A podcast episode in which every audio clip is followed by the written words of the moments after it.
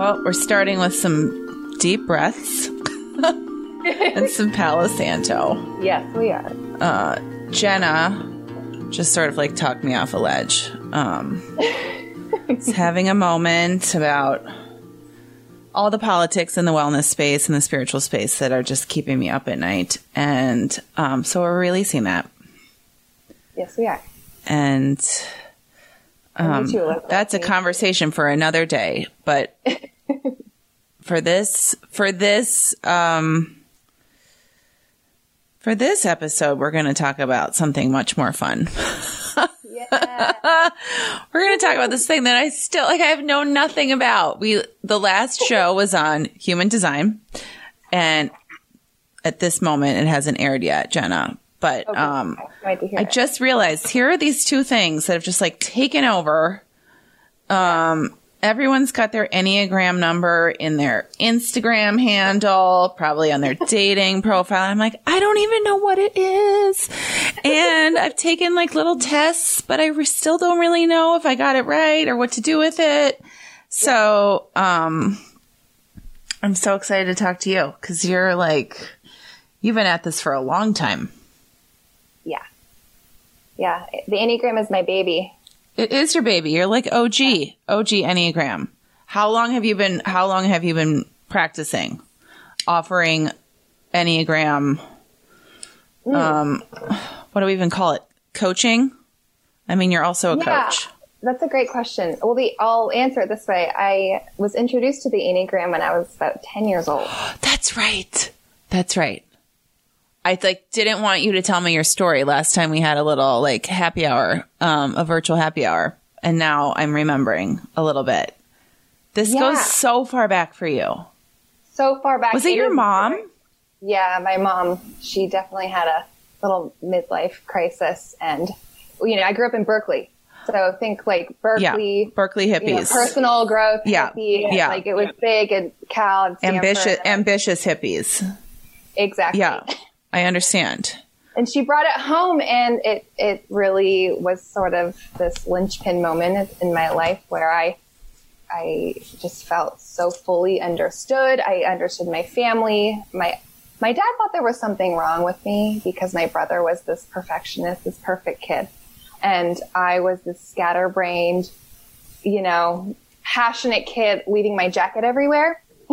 And it, it was this moment around the dinner table where we all talked about our our type. And my dad looked at me and said jenna oh my gosh this is just the way that you are. This is the way that you see the world. And gave me such full permission to be myself that it changed everything at that young age. And i grabbed onto it because it gave me this permission to be seen for who i really was and so through high school and even in college, I did these living room. Um, it wasn't a typing session. It was just conversations about the way we see the world. a salon Uh, literally a high school kid, 15, 16 year old salon. Totally. And I just loved, I got, you know, high off of being able to be understood by each other. oh gosh And- yes i and mean so what a relief to all of those kids I, I would have given anything to have had this tool in high school Right? mm-hmm Right. and to have a parent trust it i mean kudos to your dad Yeah. Well, it just made so much sense to him because as a, I'm a seven, so the sevens are motivated to be um, fulfilled, enthusiastic, experience all of life. And he was like, wow, okay, I'm going to stop trying to make you like your brother. Let me celebrate exactly who you are. And he just had this framework to rest his mind. And it just made my heart so full you know, and I wanted to give that to other people too. So it was truly the, the, the first seed that planted in me to later become a coach. I didn't know that at the time. It kind of found me again. Later. again yep isn't that how so many of us are? We know what we want to do when we're 10 and then it becomes not really plausible or not uh, practical. And we and then we come back to it in some shape or form later. Oh, it, I know. I would have never have thought that I could have created the life around the Enneagram in the way that I have, honestly, it would it would have blown my mind. Okay, so I'm already saying it wrong because I'm saying Enneagram, and it No, sounds like okay. That's perfect. There's not like an A in there somewhere. Enneagram. um, I always called it Enne- Enneagram. Enneagram. Okay. Something- Yeah. It's my Minnesota showing, maybe. Okay, so it. when your mom brought this home, was was this? I'm not going to ask your age, but is that when Enneagram started? Is that is the origin like? I'm 32. okay, is the origin 20 some years ago, or has it been around longer than that? It's it's an ancient tool. It is. Yes. Why is it having such a moment? Where? Wh- who resurfaced it? So You. me single handedly. Mhm. Um, a, a gentleman named Claudia Claudio Naranjo. Okay. Um, I believe in Chile. Oh, please fact check me. I think I. Chile. Um, he he really gave it a framing. I think around the 70s, and then he brought it to really the Bay Area. And the Bay Area um, in the 90s Okay. is where it started to take off in these academic settings. So Berkeley and Stanford. Because it does Right. have some academia to like. There's some method to the madness. Well, there absolutely. It's rooted in every major culture and religion, and um, it has roots just in a lot of different places. And so it's based on motivation, and I think a lot of these, you know, theorists and psychologists really saw its value. It, I mean, it's a very dynamic system, so it's not like the Myers Briggs where there's this sort of like really simple framework. There's a lot of movement. And so I think a lot of these theorists found so much value out of um, using it for personal growth and brought it into these communities and started to, all these, um, you know, leaders started creating these movements around it um, and leading workshops. And so it was about the 90s in, in those areas where it took off. And even, you know, since then it's grown even more so. And people are really celebrating the dynamic nature of it. Um, so it is is the goal to find out. You said motivation. Talk more about that. to me, that's the most um, simplified way of talking about the Enneagram. If you remember nothing else, it's about identifying your core motivation. core motivation for everything you do, for how you live, how you make decisions, what Yes, what your likes and dislikes are, strengths. yes. Okay. It is, it is your lens on the world.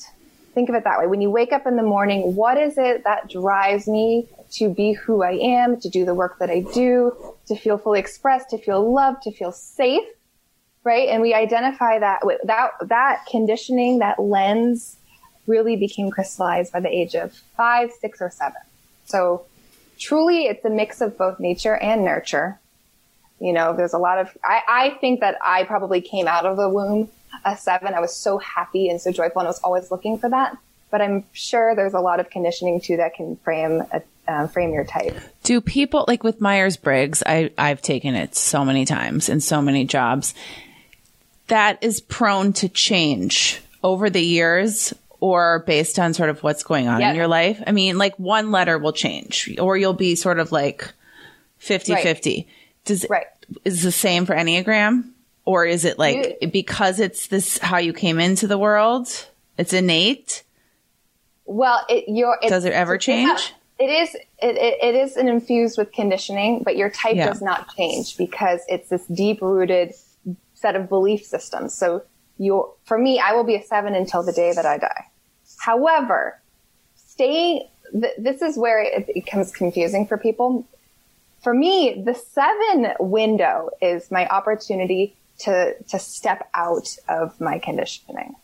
So so listen to this. So mm-hmm. I'm gonna, I want to celebrate my invaluable gifts of being a 7 mm-hmm. My enthusiasm, my zest for life, my desire to lift other people up. That I want to celebrate forever. However, the window to step out is the the conditioning and the and the blind spots that the seven has kept me um, stuck in. Right. And we all have this is true for every number. We're all going to have Oh yes, the blind spots or the shadow work that we need to do. it, it's our path forward is our is our type basically so Yep. for me the example i use for myself as a seven is that I have this focus of attention to want to be fulfilled. I literally call myself a fulfillment coach. It's an obsession, right? and so I think about even in the Tao Te Ching, this, you know, Taoist books of book on fulfillment is all about this, this teaching that fulfillment comes from the empty cup, which to a seven is, is like a, a death. Fulfillment is the empty cup in nothingness.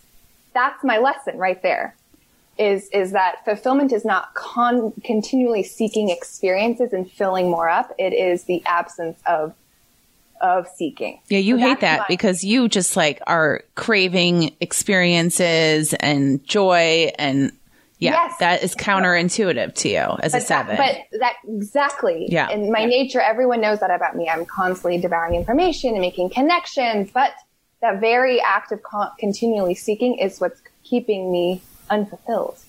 Oh my gosh. Right? I gotta just sit with that one. Yeah. Yeah. Because you're, it's, it's still, it becomes an attachment and a need and anything that any of us like feel like we need. Yes. Is yes. holding us back. Yes. Yeah. And so as a little kid, my, my focus was on being loved and happy. And I did that through you know, escape and play and turning things positive. And that was the way that I developed that coping mechanism, right? Mm-hmm. Mm-hmm. So there you go. Everybody has a, a, a, lens like that that they're working on through their whole life. And um, you want to celebrate it and work through it. However, all of the types are inside of us. All nine types are all inside of you, Elizabeth, and all inside of me. And the invitation is to, is to use the other types inside of us to help us let go of the blind spots and those the the help us get out of our own way basically. Do we use do we just pick any of those types or do we lean on our wings? There are wings. Can you believe this? There are wings. There's so many different ways to use the other types. So you can do it by using your wings sure. So for me as a seven i have a, a stronger six wing which is like my anxious fearful side, but it's also quite loyal. It's a sense of belonging. I can use that to balance me.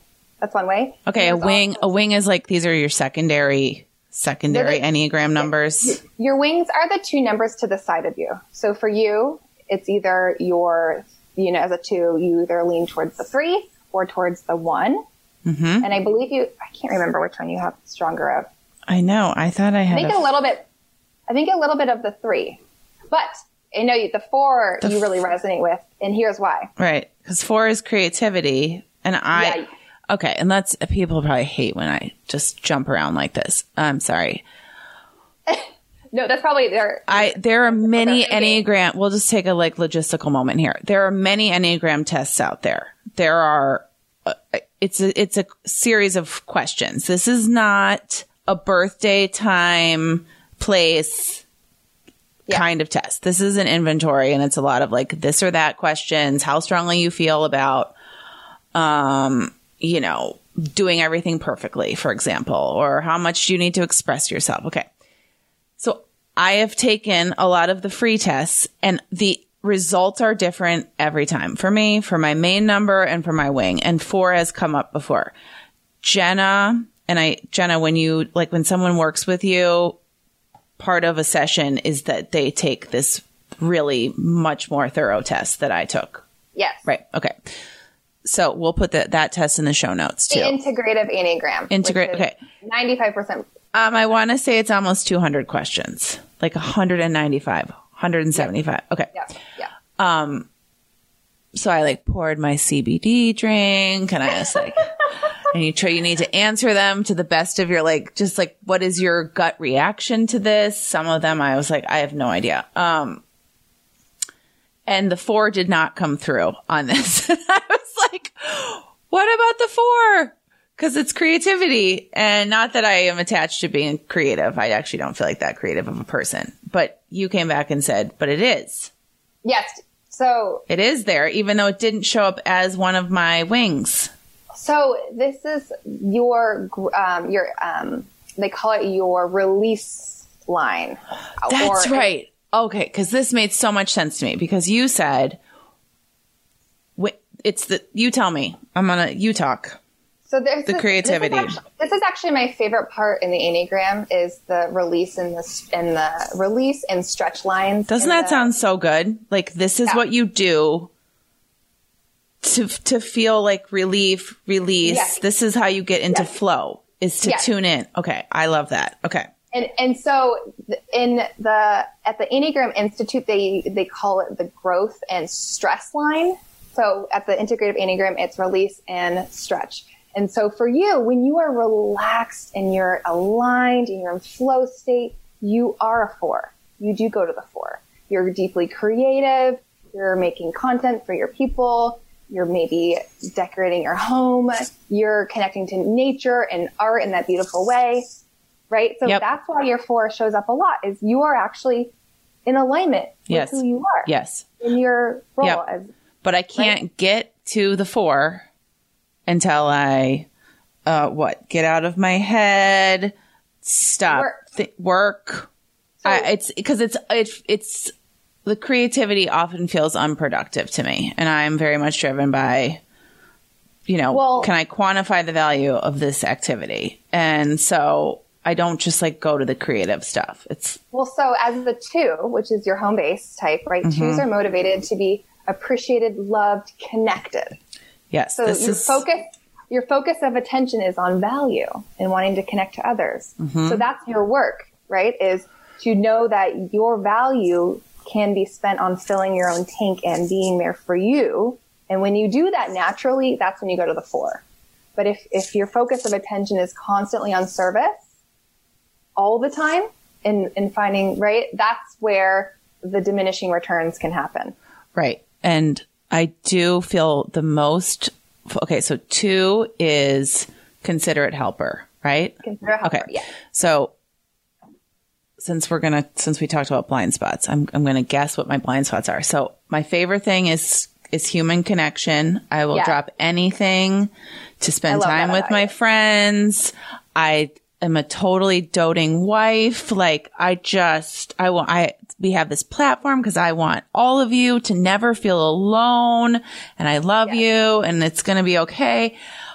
and then I get uh and then suddenly I will wake up and be so tapped out that I can't do anything and then Yep. I'm going to watch Netflix for 8 hours and do my nails and do not talk to me. Like yep so Yeah, there's the a, and there's probably like a martyrdom in there somewhere too. But I feel like at my age, I've sort of like worked through that. Um, except it's not, it's not going to completely fill me up. Like you with your experiences and the fulfillment, it's not going to totally fill your cup. I cannot be fulfilled by being the helper all the time and giving all the time, right? That is a misnomer. yeah Yeah. Yeah, it, your nature mm-hmm. is to be that way, but your what's going to quench your thirst is is is giving to yourself. Oh my god. yeah. Yeah, yeah, yeah. And the four and being in the four space can help you do that. yeah, right. That's the tool. Yeah. Yeah. So your intuition about loving your connection to four is right on. Um what are some of the most common numbers? Are there some are there some real popular tell- ones? Well, I can tell you the most common in my practice. So a lot of um, folks who are seeking fulfillment and are really intuitive are twos, like yourself. Um, nines, the peacemaker, motivated to have harmony and deep understanding with others and wanting to bring a sense of connection and understanding. So those are my two most common in my practice. Um, they're all pretty evenly split. Let's see. I, I do work with a lot of fours as well. A lot of creatives looking to find Fulfillment through their Yeah. creative Yeah, endeavors. fours want to be um, leave their unique mark want to be Yeah. originally expressed and so you know if they're working at a job where they're not just kind of a cog in a wheel that can step on major values so coming to coaching and working on identifying their vocation in their unique way is really common and beautiful um, What's the blind spot for a four then? thinking um, that they are their emotions. Like emotions can take over and feeling misunderstood or feeling that, um, yeah, that their path is is outside of them. There's a lot of like kind of comparing their insides to everyone's outsides because they're very can be very visual people. Yeah. So yeah, that makes um, sense. Being able to just sort of own their own story and and use you know discernment to help them move forward because they can be, be very stuck in their emotions. Mm-hmm. Okay. So when did you come back? When did you, what was your journey to coaching and fulfillment coaching? Do you always incorporate Enneagram? There's my first question. But also you didn't, like you said earlier, this is not where your career path began. No. No. No.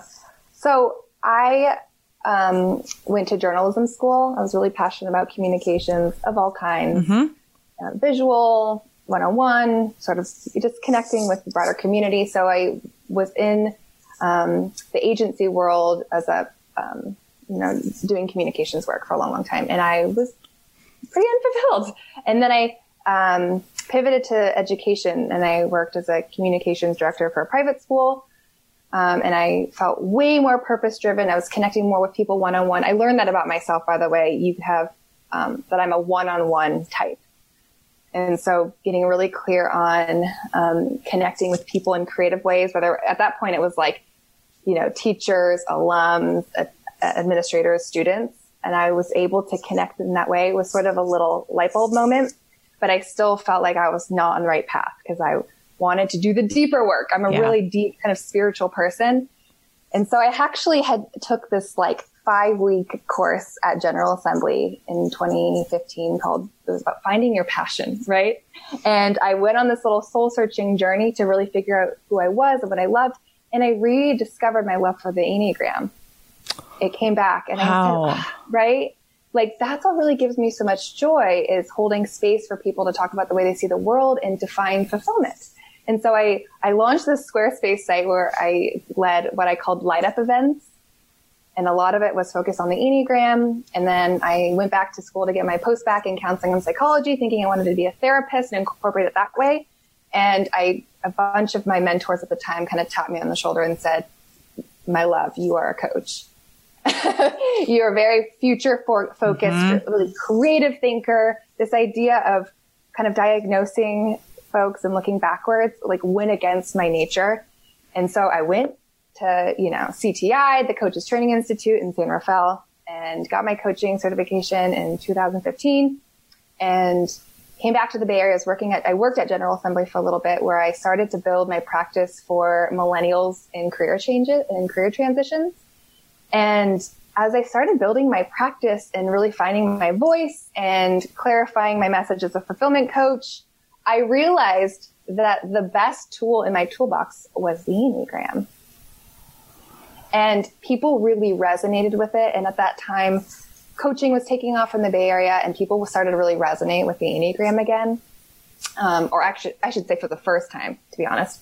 And so I, I started using it with folks and, um, I, I didn't use the integrative Enneagram assessment at that time, but I just used it in conversation. And I would say 99% of the time, people really resonated with it in terms of like figuring out their core motivation and helping them.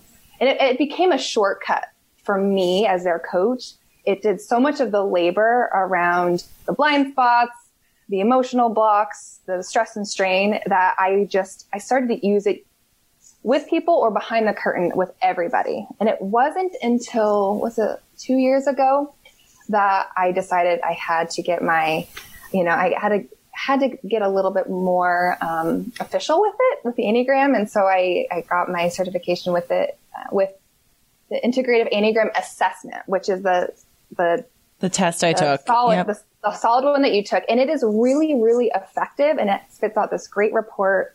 Yeah, it's massive. Us, it's massive. And it was, um, it was created by a really brilliant guy in South Africa. It was, it's highly effective. It's based on all these algorithms so that you can't, um, you can't really second guess yourself out of the questions. And so I just found that it was so effective and helpful from a data perspective to make the invisible visible that I use it now with every single client who walks in the door. You do. I was going to ask you that. I mean, it's not only a, this incredible tool and helps you quickly get to know your clients in ways that you wouldn't necessarily be able to tease out of them. Certainly not that quickly. Yeah, it, it to me it is that shortcut, mm-hmm. you know, and it helps us get on that that same page language wise, which is really difficult to do when you you know you don't have a ton of time with somebody. No, and also super validating for them. Yes, I yeah, I rarely have somebody who is not blown away by the the level of depth and understanding. What else is in there? We're talking about sort of the biggies, like the yeah your number, your wings, like what else? Because I haven't gone through the whole whatever 30 pages that I have. And do you recommend people do this on their own or is it best done with a coach to sort of put it um, into practice or I, I, make sense of it all? You can certainly do it on your own. The report is very, very thorough, so you can have whatever it is that you need. Um, but there is so much that it can be overwhelming. So sometimes working with a coach can just help you focus your attention on the, the parts that might be the most helpful for you. Yeah. Because you can, as I mentioned, use all of the types to help you get out of your own way, but that in itself can be overwhelming. So to answer your question, I'll tell you what I think is helpful for me. You know, when I look at that report, so certainly the main type, understanding, you know, that my blind spots and development exercises that can help me as a seven feel more centered, right? Which is like discernment, doing less, um, getting into my heart, into my body. So a sevens, sevens are in the, the, uh, the head type center. So you're either a head type, a heart type, or a body type. Whatever one you are, you filter the world first through that intelligence center. Head type, heart, heart, or, bo- and body. Or body. Okay. So I, I'm, I um, filter the world first through my mind, which can create a lot of overwhelm and noise. I'm an ideas generator. Mm-hmm. So I can get stuck there, right? So for me, really moving into my heart as often as I can to help my heart speak to me is really, really positive. Um, and anyway, so, so that's the tool that a lot of folks use, right? It's like to be able to move things through, as I mentioned about before, it's like getting into their body using like dance to help them make sense of their emotions is really really helpful. So the intelligence. Did you say dance? Did you say dance? Yeah. Oh boy. Okay. I Why? do. I just I do love to. Oh well, you said that yeah. for four, not dance. for two. I don't have well, to. You have a lot of four in you. You do. I mean, who doesn't like to dance? Okay. I'm just. Everyone loves dance. Is good for everyone. It is. certain types. It is. You know, understanding where your intelligence, how you filter the world through an intelligence center can really help you balance things out. Yep. Yep. You know, so, so the intelligence center, um, and then as I mentioned, the stress and release line. So for me, you know, my growth area is moving towards a five, which is like depth of understanding and discernment, being able to stay with things longer you know, mm-hmm. than others. I can like think about space and time and the Enneagram for as long as I want. I can read books and I just dive deep into topics. That's a really amazing place for me. Right. And then I also love the subtypes. Okay. I mentioned you. So this is really helpful in terms of communication strategy. Um, everybody is either a one-on-one type, a self-preservation type, or a uh, a social type. Mm-hmm. I happen to be a one-on-one communicator as a seven, which also was deeply helpful for me to give myself permission to be a one-on-one coach. Right, so that that can color your type as well and give give you permission to do certain things.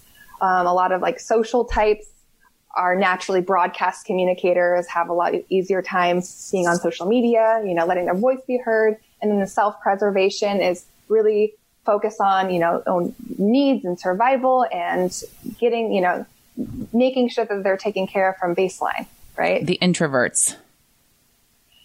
Or am I mm-hmm. putting a label on it? Is that incorrect? It's not necessarily introversion. You can be an extroverted self-preservation. Okay. Okay. Type, right? It's really, I think of, I use this metaphor of a house party. When you walk into a house party, are you the type of person that walks in and says, you know, how many hours do I have to be here? Who do I have to speak to? you know, where's the food and drink table? You're right. So you're assessing sort of your immediate needs. And then a one-on-one, that would be self-preservation. And then a one-on-one type would walk into the room and say, where's my crush or where's, where's my friend that I know? Where's my friend yep. that I know and move from one person to the other if they get to the next person at all. And then a social type will have their head on a swivel, make sure, you know, everyone's sort of taken care of. And so generally we all have those, all of them inside of us, but there's a ranking order. Oh, I got to look that one up. I didn't, I yeah. didn't. Okay. Yeah. This is so color your type. Yes. Mm-hmm. And I mean, I, I'm still on house party. Like, oh, I, I miss house parties so much. Clearly, I'm not a self preservationist. like, that sounds amazing. I know. Um, it hurts. It hurts to think about. It hurts. Um, this is just, you know, more permission to, we, we tend to, I mean, I brought up introverts, but we tend to like put extroverts on a pedestal. We think like if you're more social, like that's somehow better in the world. Like there's sort of this, there needs to be self acceptance around. Oh my gosh. Exactly. Right? Around yes. what makes you well, feel also, good and yes. comfortable and happy. And like, exactly. I love all of the memes that have been going around like uh, lately or since COVID. Like, uh, I don't, I don't need to go out anymore. Like my Friday night is now in my joggers. Like, and I, and I love it. Like that's amazing. I'm so happy because I think we'll come out of this time with people being like, I don't need to apologize anymore that I don't want to go to four happy hours this week. I know it's blissful. Yeah, it is. Cause we're trying out, we're trying this out. We now have the option or we yeah. actually are being forced to not be that social and to realize maybe that you are energized by that. You are energized that you did not spend the holidays with 20 people. You spent it with your immediate family or whoever, you know what I mean? Like, yeah, I'm so happy yeah. for everyone who's waking up to that. I know we just get to be the human beings that we are. I think of the Enneagram oftentimes as like going back to the little girl inside of us, who we were before we created all these labels right? Before we had all this conditioning. And it just, uh, the, you know, the word that we always use is giving ourselves permission to just be that way. And then all of these, the, this language around types, words, extroversion, introversion, even, you know, this or that is, is just an attempt at making the invisible visible, right? Mm-hmm. And so, yeah, we have to we, give labels to things to be able to talk about them. It's and, all yeah. a construct. Construct, all yes. of it. But yep. if we don't have that framing, we get really lost, and then we tell stories that are untrue. You know, in the absence of data, we will make up stories, and we will make up stories that veer towards catastro- catastrophizing, right? I wish we didn't have to make up stories at all. I wish we could just And right. we don't. I'm having existential. I'm like, I wish we could just know ourselves. And right. Well, to me, that's what this does. Yeah. This, the, you know, this and human design are really helpful for yeah. me in going, okay, I naturally show up this way. If I can create distance from all of the stories I'm telling and just sort of see this, right? It, it, it, it relaxes me. Mm-hmm. It helps me know that I don't have to be at anyone's mercy right? Right. And I've said this before on the show over the years. We, the world would not function if we were all the same. Yes. We, we cannot all be creatives. We cannot all be oh, yes. super outgoing. We cannot all be scientists. Like there's whatever your role other. is, is exactly what we need. I mean, that's Amen. who you're here to be and that's what you signed up for. But, yep. um, what do you um, what what like what's happening with the fulfillment coaching that where do people where do people start from and then where do they end up like are they let me start over with my half-ass questions um what's making people fulfilled right now mm. and is it what they think is going to make them fulfilled or does that no. end up often end up being something else yeah. Do they know when they come right to you that they like, I, no. okay. All right. I'm just going to hit the ball back to you and well, you can take whatever I that mean, you want. It, I like where you're going with this. Some people know, I mean, there's a lot of really high functioning wellness mindfully aware women who come to me. Yes, we know, know, you. We know you well. We know. we know you well. You know, they come to coaching and say things like, I know that I need accountability to help me align my values, to create a little more space. Like those people are right on. Yeah. You know, if you're going to Yeah. show up and do the work and commit to the healthy habits and creating space and unhooking from your blind spots and, and, you know, using tools like the Enneagram to help you center yourself through the work, you can feel really fulfilled. You know, there was going to be emotional breakdowns along the way. That's like fulfillment is not a destination. It is a practice of cultivating lessons, right?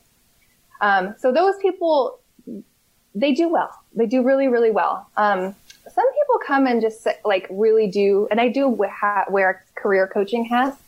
So I, a lot of people come and say, I'm so unfulfilled in my work. Yeah, I was going to ask you that. I, I just assumed that fulfillment was typically career It coaching is. for you. Yeah, for what you do, but Yeah, it, Okay. it, it is. It, it- they're not coming to you for relationship advice pro- as much. Is that true? less. I mean, that's usually a- component. part of it, of course. Whole person, Right. for sure. Right. Um, but without the career taken care of, nothing else really flows. Yeah. Yep. Um, but a lot of people will come and just feel like the career is going to fulfill them, and really being able, like, if that is figured out, all boats will rise. And generally speaking, it helps a lot. But if you're not really, you know, pruning the little threads that are telling you the stories, you're not creating any space to, to feel like a fully blossomed plant, you know, you're, you're, you're going to shrivel and die. so you have to cultivate these practices that help you feel expanded continually on that career jour- journey, if that makes sense. It sort of makes sense. Um, trying to think of how to clarify. Because in the beginning, we talked about, I mean, what fulfillment is the empty cup. So do you think For me, for, you me, it is? Got it. So we, the older I get, the more I wonder how, this sounds really dire. It's not. How fulfilled you can really be in your career because it's a moving target. A, Yeah. you're constantly because you're constantly changing and evolving and expanding. B expectations come into play of like what is fulfill- fulfillment doesn't feel the same to all of us. I'm sure this goes back to your type too.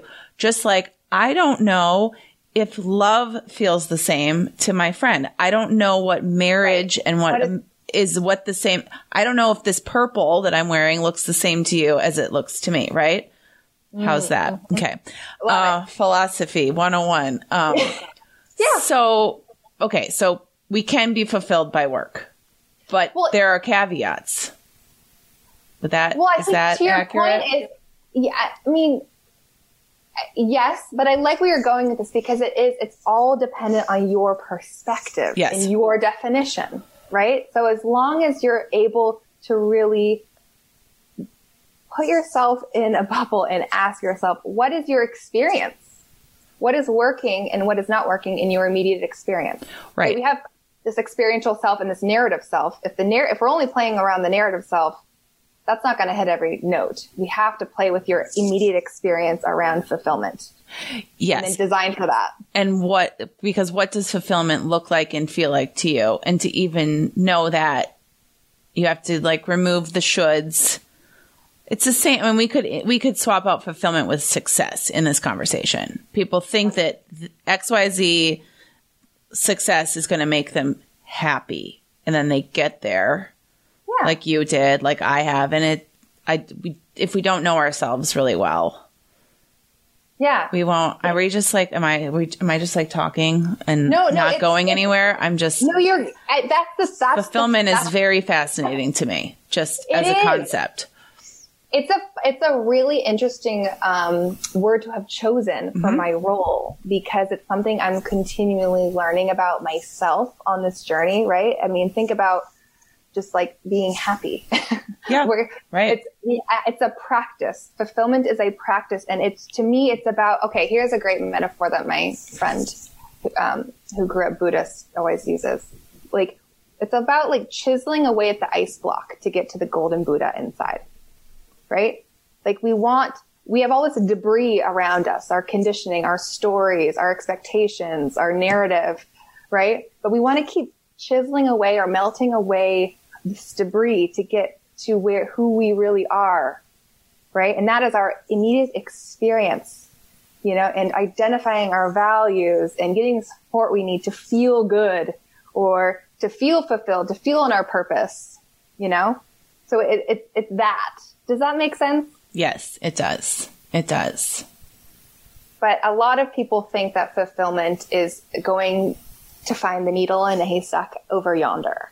Oh, It's interesting. Not that. It's not anywhere to go and get. It is about coming back to. And that can be really frustrating when our brain is continually in the optimizing mode Yeah. and it, we have all all of these tools and systems are telling stories about adding and creating and blah blah blah right like fulfillment is really about your experience right now and measuring against what you're actually doing every day to bring you joy and and purpose. So. Is that what fulfillment feels like? Does it feel mm. like joy and like I have a purpose? Mm-hmm. How do you define it? it's a, it's a beautiful qu- coaching question. What does fulfillment feel like for you? You and I think yeah, often- you send it, you give it back to the, Yeah, your I think, client, yeah. that's how I always start all of my sample Mm-hmm. sessions with folks. Is I'll ask a a question along the lines of, "If I were to give you a magic wand, how would you love to feel in your life?" yeah, Right? Paint me that picture. And I always use the word like feel. What does it look like? How are you?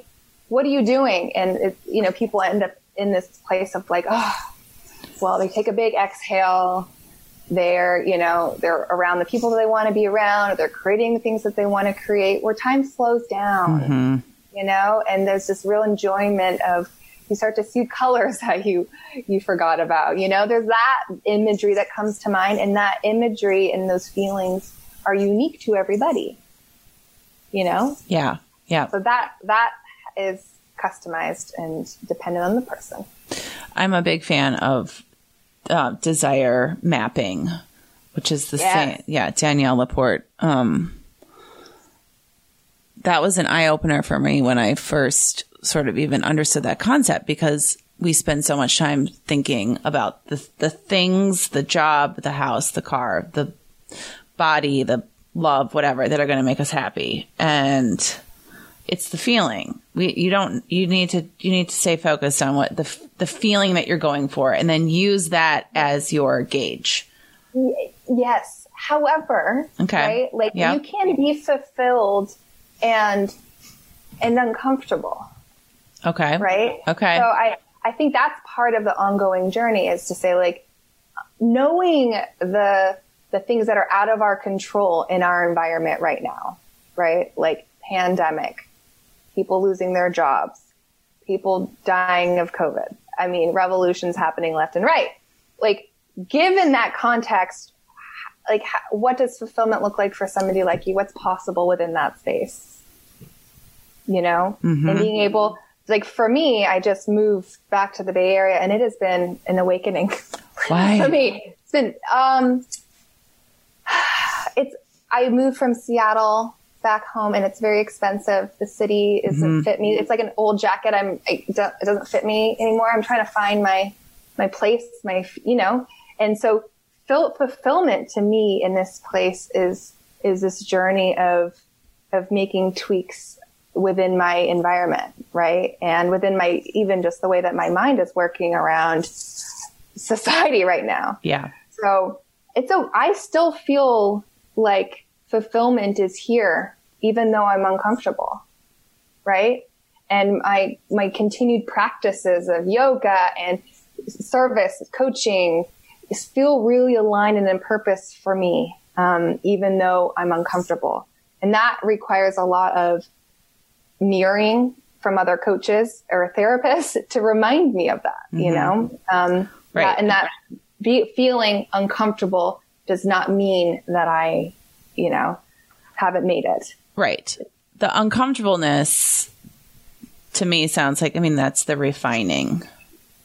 Absolutely. It's, yeah. it's sending you signals. It's mm-hmm. giving you data, right? Like when your body is feeling out of whack, it's time to be a detective. to go explore experiment. And I think that is a really beautiful invitation around fulfillment. Like when people finish a program with me, they know they're not done. Okay. You have the tools now around what fulfillment means to you. You're going to keep experimenting around fulfillment till the day that you die. totally. It's not there. There's not a destination. So it's helpful. It's a good reminder to not get really black and white about it. Like, okay, I'm fulfilled. I'm here. You're right. That will last like a week. And then you yes. will start itching for something else. And then right. you'll change, you'll move like you did. Mm-hmm, I mean, you're a different mm-hmm. person than the last time you lived Absolutely. in San Francisco. So. Right. Yeah. But it can feel like a buoyant journey. Like it can feel like you're on, you know, mm-hmm. the, the metaphor can, can shift and change. Like instead of being like a stiff board that can fall over, like maybe now you're buoyant on, yeah. on, on our, Our astrologer, Stephanie Galen, calls it staying bouncy. Yes. Too. Yeah. Yep. That's, we got to go with the flow sometimes to, to be in flow. Yeah, that acceptance thing is. Uh, We're both sighing. Just so where we started this episode, sighing it out. Sighing. Uh, well, you know, I could talk to you all day, but um, we're past our time. So I'm so grateful for you. I'm grateful for I you. mean, I wish I had known you when when I was 10 or in high school. I wish we would have been peas in a pod and um, you're such a gift. So um, of course, you. we'll have all of Jenna's info in the show notes so you can work with her and the test. Yeah, I'm just. You're a gift, Elizabeth. Oh my I God. wish that we had a healers community when we were younger. How awesome I know. We, I, we would be very different people. we would be ruling the world right now, I think. But yes, I agree. We have many, many years to go. So, um, namaste. Thank you so much. Have a great week. You too. Exciting news! You can now book one on one sessions with all of our healers, including the guests of this show, at healerswanted.com. Listeners receive 10% off any appointment with promo code NAMASTE. We so appreciate your support for our practitioners and for keeping this podcast going. Healers is hosted by me, Elizabeth Kendig, and produced by Derek Wetmore. Learn more at healerswanted.com and follow along at Healers Wanted on Instagram.